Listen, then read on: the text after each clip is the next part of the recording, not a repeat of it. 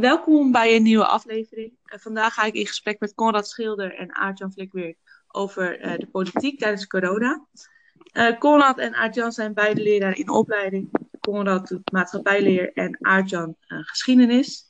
Ik dacht, jullie zijn de perfecte personen om over politieke kwesties in gesprek te gaan. Nou, welkom alle twee. Um, allereerst wil ik van jullie weten hoe jullie deze lockdown hebben ervaren. Uh, Conrad, kun jij wat meer vertellen over hoe jouw intelligente lockdown tot nu toe is gegaan? Uh, ik moet zeggen, buitengewoon goed. Ik heb het uh, niet echt als een, als een lockdown ervaren. Omdat het natuurlijk een intelligente lockdown was. Wat inhoudt dat je natuurlijk een gedeelte van je sociale leven en, en je arbeid in ieder geval nog steeds uh, kan, kan uitvoeren. Je mag dus, heel veel. Ja, je mag, nog, je mag nog een hoop. Je kan naar buiten toe, je kan sporten, je kan uh, wat, wat vrienden opzoeken. Natuurlijk uh, in beperkte mate. Maar uh, het, het kan nog wel, snap je? Dus ik, uh, ja, ik, was er, ik was er buitengewoon positief over. Sorry? Heb je het terras niet gemist? Ik heb het terras, ja, dat was wel even een dingetje, ja. Dat, dat, dat waren echt van de weinige dingen die ik echt miste. Ben je deze week al naar het terras geweest, of niet? Ja, gisteravond uh, nog toevallig. En jij, Arjan? Hoe heb jij het ervaren? Nou, in het begin uh, accepteerde ik het wel, zeg maar. Alle regels en zo. Dus ik denk dat ik in het begin best een mhm. brave en voorbeeldige burger was. Um, mm-hmm. Maar goed, op, uh, in verloop van tijd ga je toch uh, denken van nou, hè, kan het niet wat minder? Zeker een paar maanden. In mei bijvoorbeeld. Dus toen merkte ik wel hmm. dat ik uh, steeds meer moeite mee begon te krijgen om die regels op te volgen. En dat merkte ik ook wel aan de mensen om me heen. Iedereen was er wel een beetje klaar mee. Uh, je doet het dan wel natuurlijk, maar ja, je levert wel een deel van, uh, van je vrijheid in natuurlijk. Dus je kan niet meer naar terras en zo. Dus het is wel, ja, het is wel heftig ook. Mm -hmm. En als je dan kijkt naar bijvoorbeeld andere landen die het veel strenger hebben. Um, zou je dan liever dat hebben, dat je dan helemaal niks mag? Of zou je dan voor een tijdje, of zou je dan gewoon liever de, de Zweden zijn, zeg maar?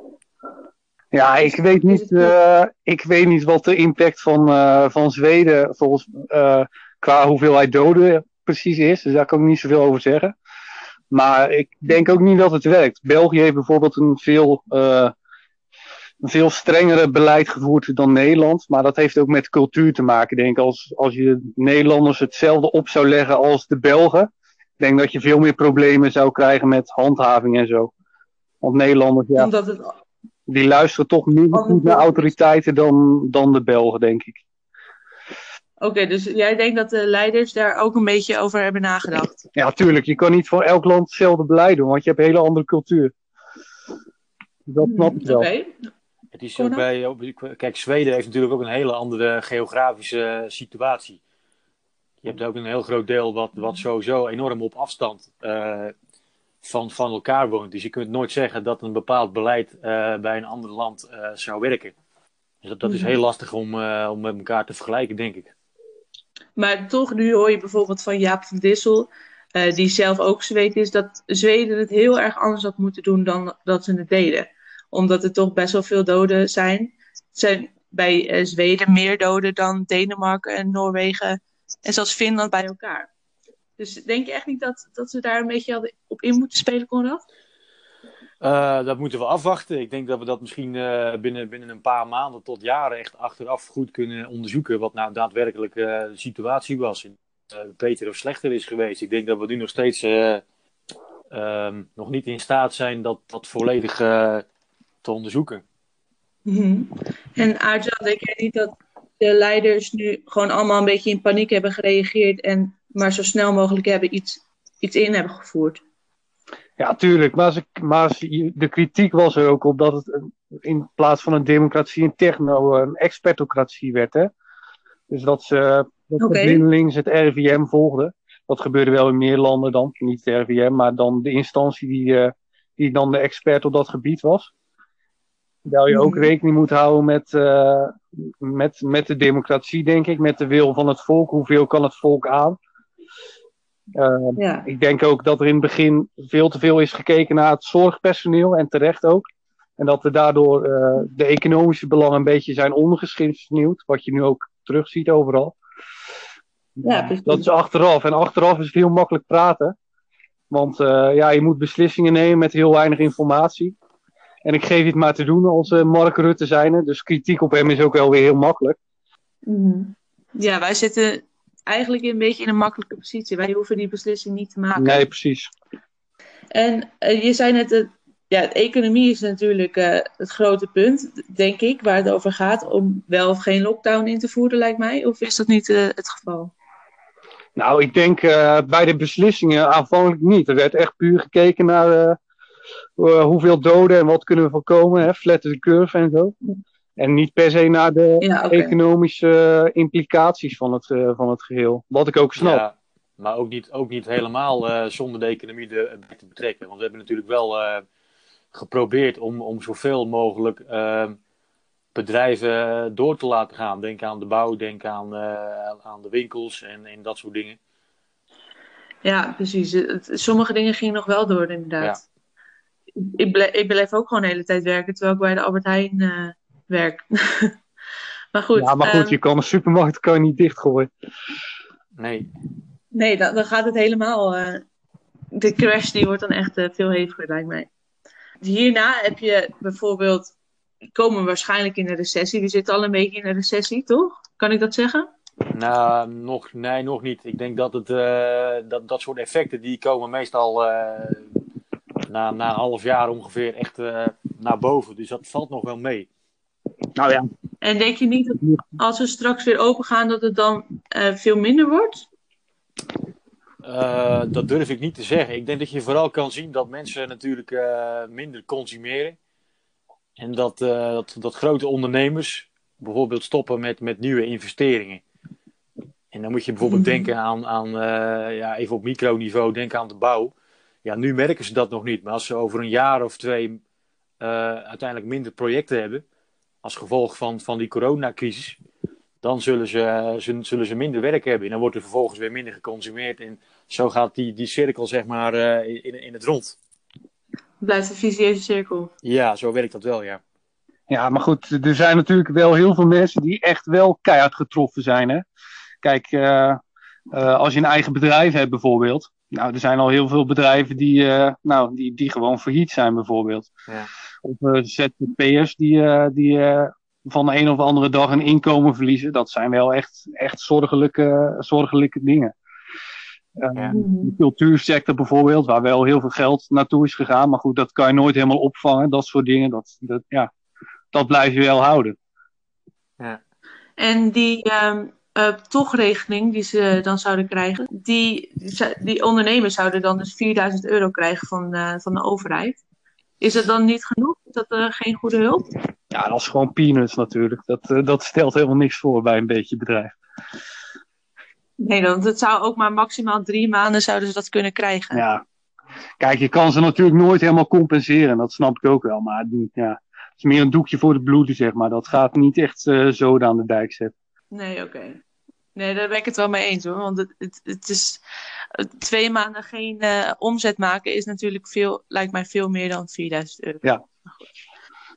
Uh, maar ik hoorde um, Conrad net zeggen over de uh, premier, de, of Arjan, maakt niet uit. Um, dat je toch anders gaat kijken naar de premier op dit moment. Want we zien nu heel veel artikelen die gaan bijvoorbeeld over heel veel lof voor Rutte. Um, de leider van het volk. Um, ja, hele goede beelden. Uh, maar je hebt ook heel veel kritiek op hem. Hoe zouden jullie zeggen dat uh, Rutte deze twee maanden heeft geleid? Arjan, wat zeg jij ervan? Ja, dat vind ik, vind ik lastig om dat te zeggen. Want je, er zijn gewoon heel veel aanwijsbare fouten gemaakt. Hè? Bijvoorbeeld dat ze, dat ze heel weinig beademingsapparatuur hadden. Terwijl in Duitsland hadden ze dat wel goed geregeld. Uh, ze hadden veel eerder inreisverboden voor Chinezen uh, kunnen regelen en voor Italianen. Dat, dat werd pas echt heel erg laat uh, werkelijkheid, zeg maar. Dus um, eigenlijk kan je die intelligente lockdown, was denk ik vooral gericht ook om dat, dat beleid wat veel te laat tot stand kwam te, camoufleren. Dus die intelligente lockdown die was nodig om, een, omdat ze veel te laat met beademingscapaciteit, dat, dat dat allemaal veel te laat op gang kwam. Dus ze moesten daarom die maatregelen wel nemen. En ja. Um, Oké. Wat was je vraag? Of Rutte. Of wat? Ja, heb jij, eigenlijk een meer een persoonlijke vraag, stel ik hem nu op deze manier. Heb jij nu meer lof voor uh, Rutte of uh, zeg je dat is het niet? Is het nou, ik vind, kijk, hij doet die toespraken allemaal, uh, allemaal wel goed en zo. Maar het verbaast mij wel dat, dat half Nederland gelijk achter Mark Rutte aanloopt als je kijkt naar de peilingen. Om, omdat hij, ja, acht zetels erbij. Ja, omdat hij nu de staatsman is en dan denkt iedereen, ja, we zitten nu in een, in een crisissituatie. Dus we moeten stabiliteit houden en, uh, en Rutte doet het wel goed. Waarschijnlijk beter dan uh, welke andere politiek leider dan ook, omdat hij meer ervaring heeft.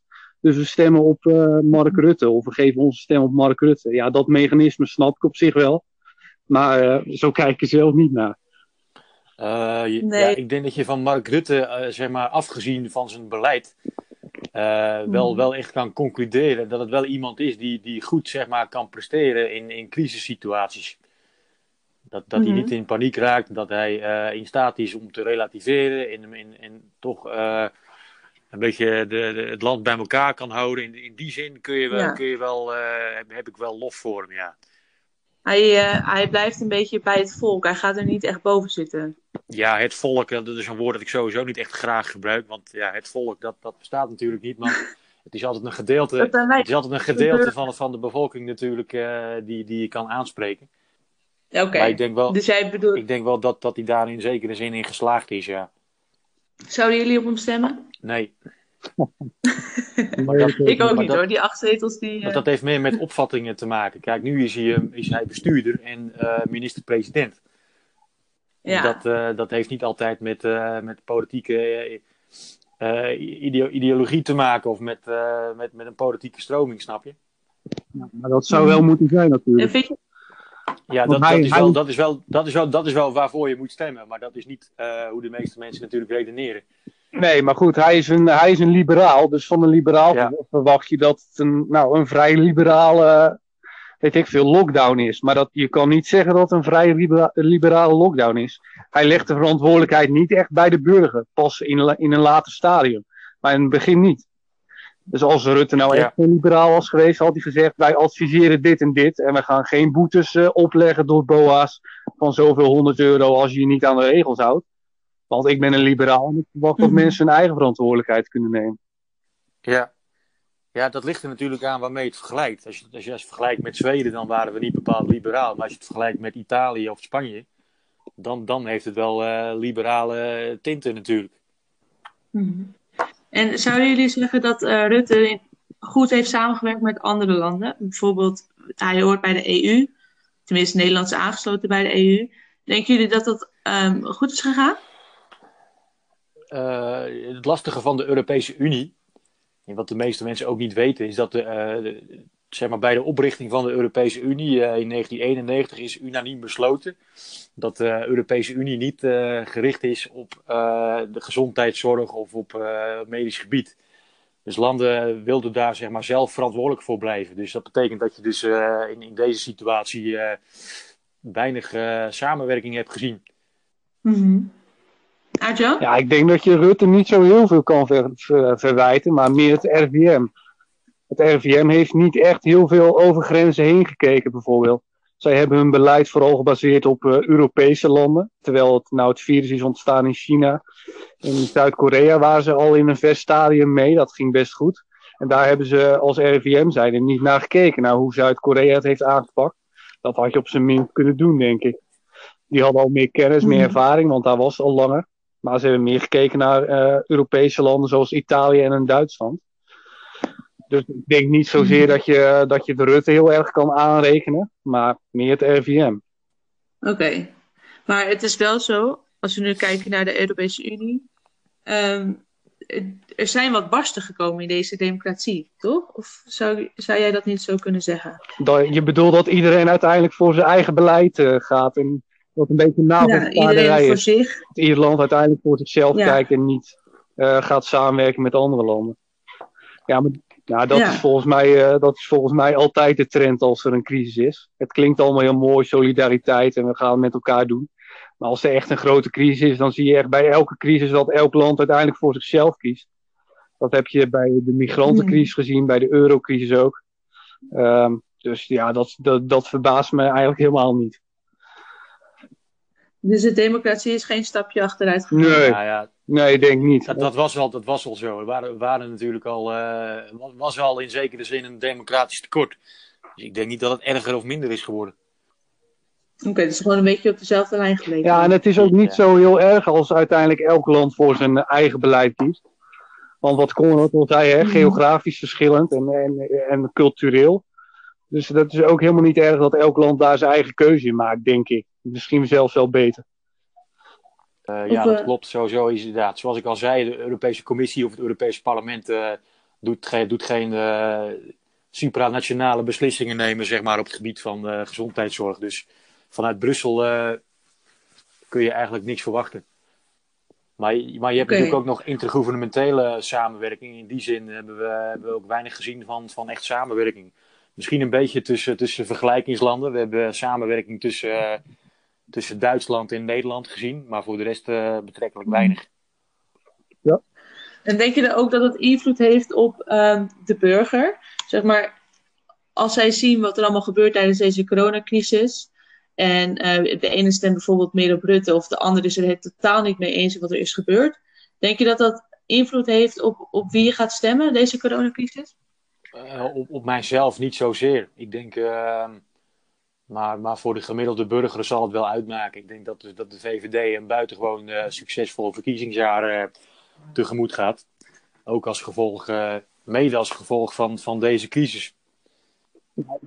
Maar als je bijvoorbeeld kijkt, als je ziet dat heel veel mensen het niet mee eens zijn. Er zijn bijvoorbeeld protesten aan de gang om de lockdown te stoppen en de economie te redden. Um, denk je niet dat er veel meer populistische gedachten komen doordat de, de wereld er nu veel anders uitziet? Uh, Adjan, wat denk jij ervan?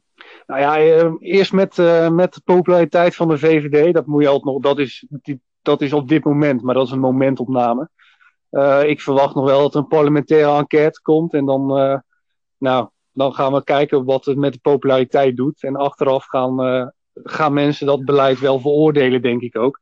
En het is de vraag hoeveel schade dat Rutte treft of dat het meer op het RIVM richt. Ik denk eerder het laatste. Um, wat was je volgende vraag? Nou, dat, dat als je zoveel uh, ja, schade ja. ziet aan de economie en die hele wereld staat op zijn kop, denk je dat sommige mensen niet veel meer populistisch gaan reageren en juist meegaan in die protesten en uh, andere nou ja, ik weet niet of dat per se populistisch is, maar ik, nou, ik denk niet dat er echt heel veel uh, verandert. Misschien is het nu meer het idee van dat het indaalt dat uiteindelijk elke crisis dat uh, ieder land naar zichzelf kijkt en dat de Europese Unie allemaal wel leuk en aardig is qua samenwerking, maar als er echt een grote crisis aankomt, dan is het ieder voor zich. En misschien dat dat idee meer landt, of dat besef. Maar voor de rest, Denk ja. ik niet. Ik denk sowieso niet dat er heel, ik... heel veel gaat veranderen na deze crisis of zo. Uiteindelijk wordt het allemaal weer bij het oude. En het gedrag van mensen gaat denk ik niet heel veel veranderen. Dat is afwachten natuurlijk ook wat, wat, uh, wat, wat uh, de vervolgen, het vervolg van deze crisis is. Als het, als het echt een economische depressie aankomt, dan zie je meestal wel als gevolg dat, dat populistische partijen, dat is historisch gezien ook altijd zo geweest, dat historische, dat, dat populistische partijen zeg maar populairder kunnen worden.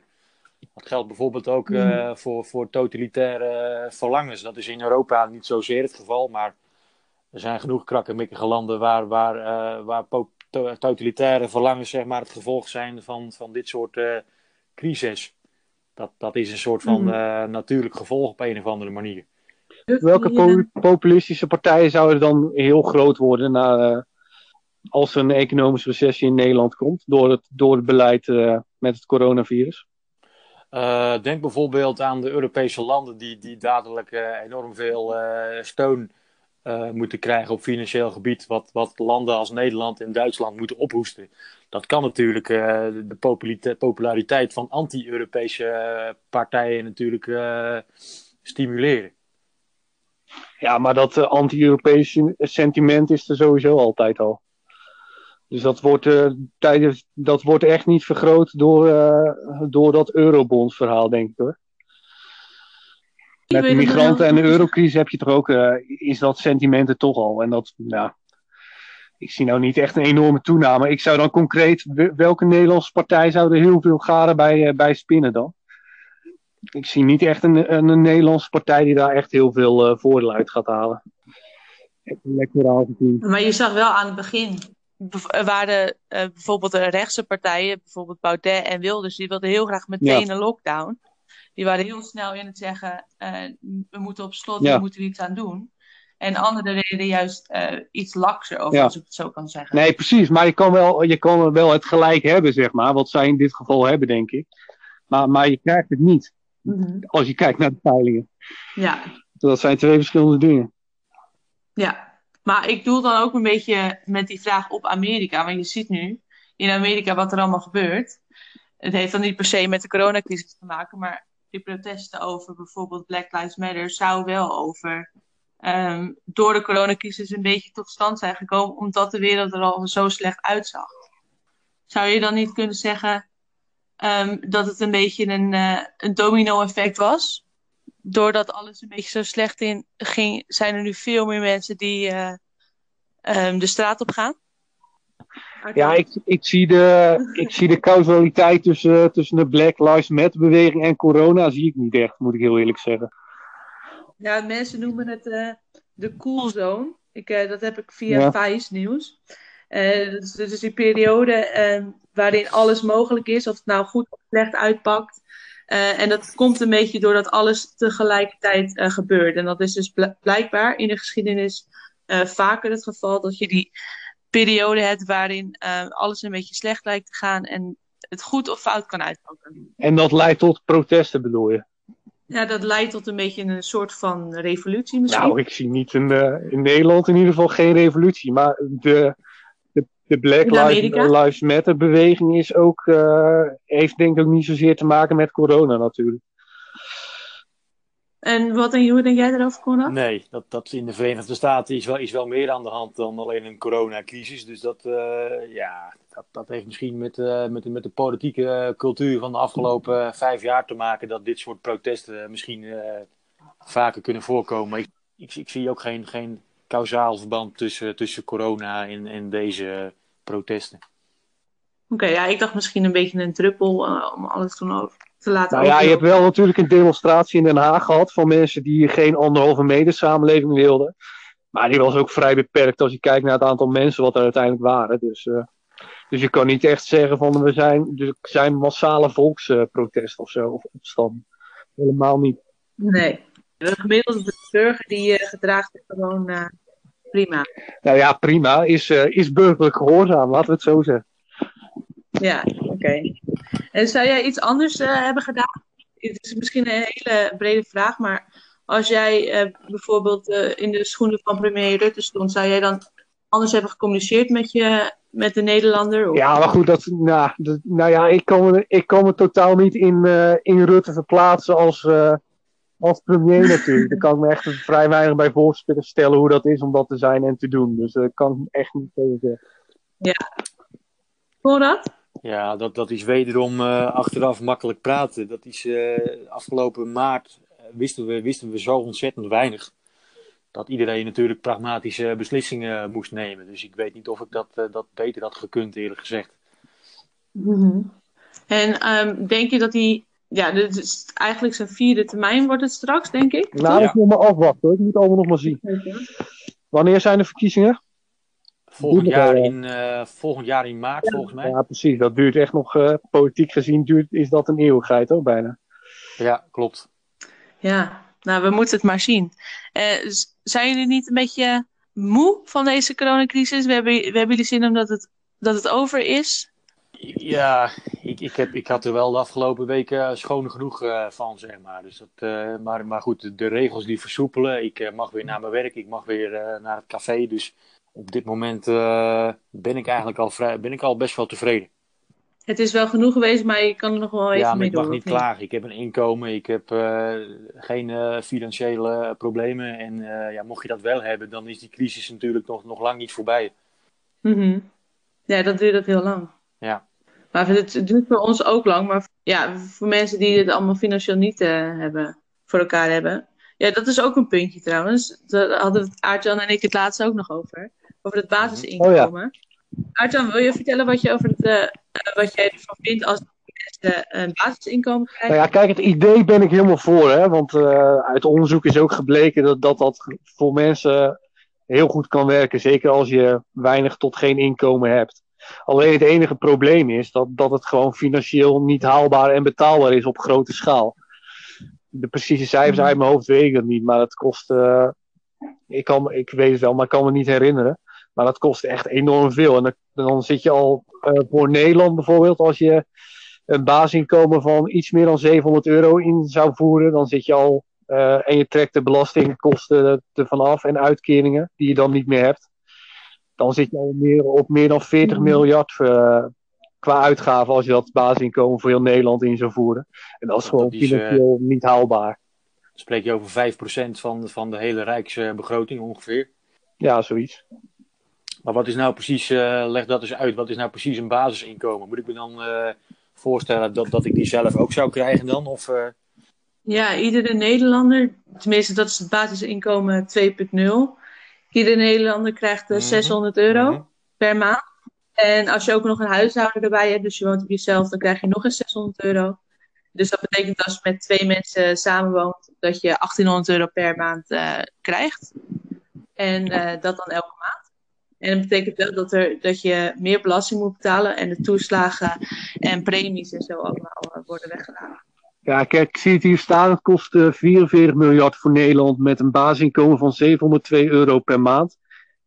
En eigenlijk als je kijkt naar uh, de leeftijdscategorie van 18 tot 64 wint, uh, wint relatief 5% van, uh, de, van de bevolking echt aan beschikbaar inkomen. Oké, dus het is ook niet met deze coronacrisis een goed idee om dat. Nou, misschien kan je het op een hele kleine schaal doen. Als je echt uh, gemeenten hebt waar problemen heel erg, uh, heel erg groot zijn, dat je dan uh, dat tijdelijk in zou kunnen voeren. Maar ik vraag me af of de, of de bevolking dat, uh, dat pikt, zeg maar. Want als je dan in gemeente A woont, krijg je wel basisinkomen en in gemeente X niet. Terwijl iemand uit gemeente X een net zo slechte situatie ja. kan hebben als gemeente, gemeente A. Dus. Nou ja, misschien als je, als je, als je, als je lokale uh, steun geeft, dat je misschien dan ook dat door middels van lokale belastingen kan oplossen. Dat zou natuurlijk wat rechtvaardiger maken. Ja. Maar wat is dan precies het nut uh, daarvan? Want ik, ik heb die 600 euro niet nodig, uh, zeg maar. Ja, precies. Dat is dus ook een ding. Sommigen die, die willen gewoon, die hebben al werk, ja. die hoeven niet.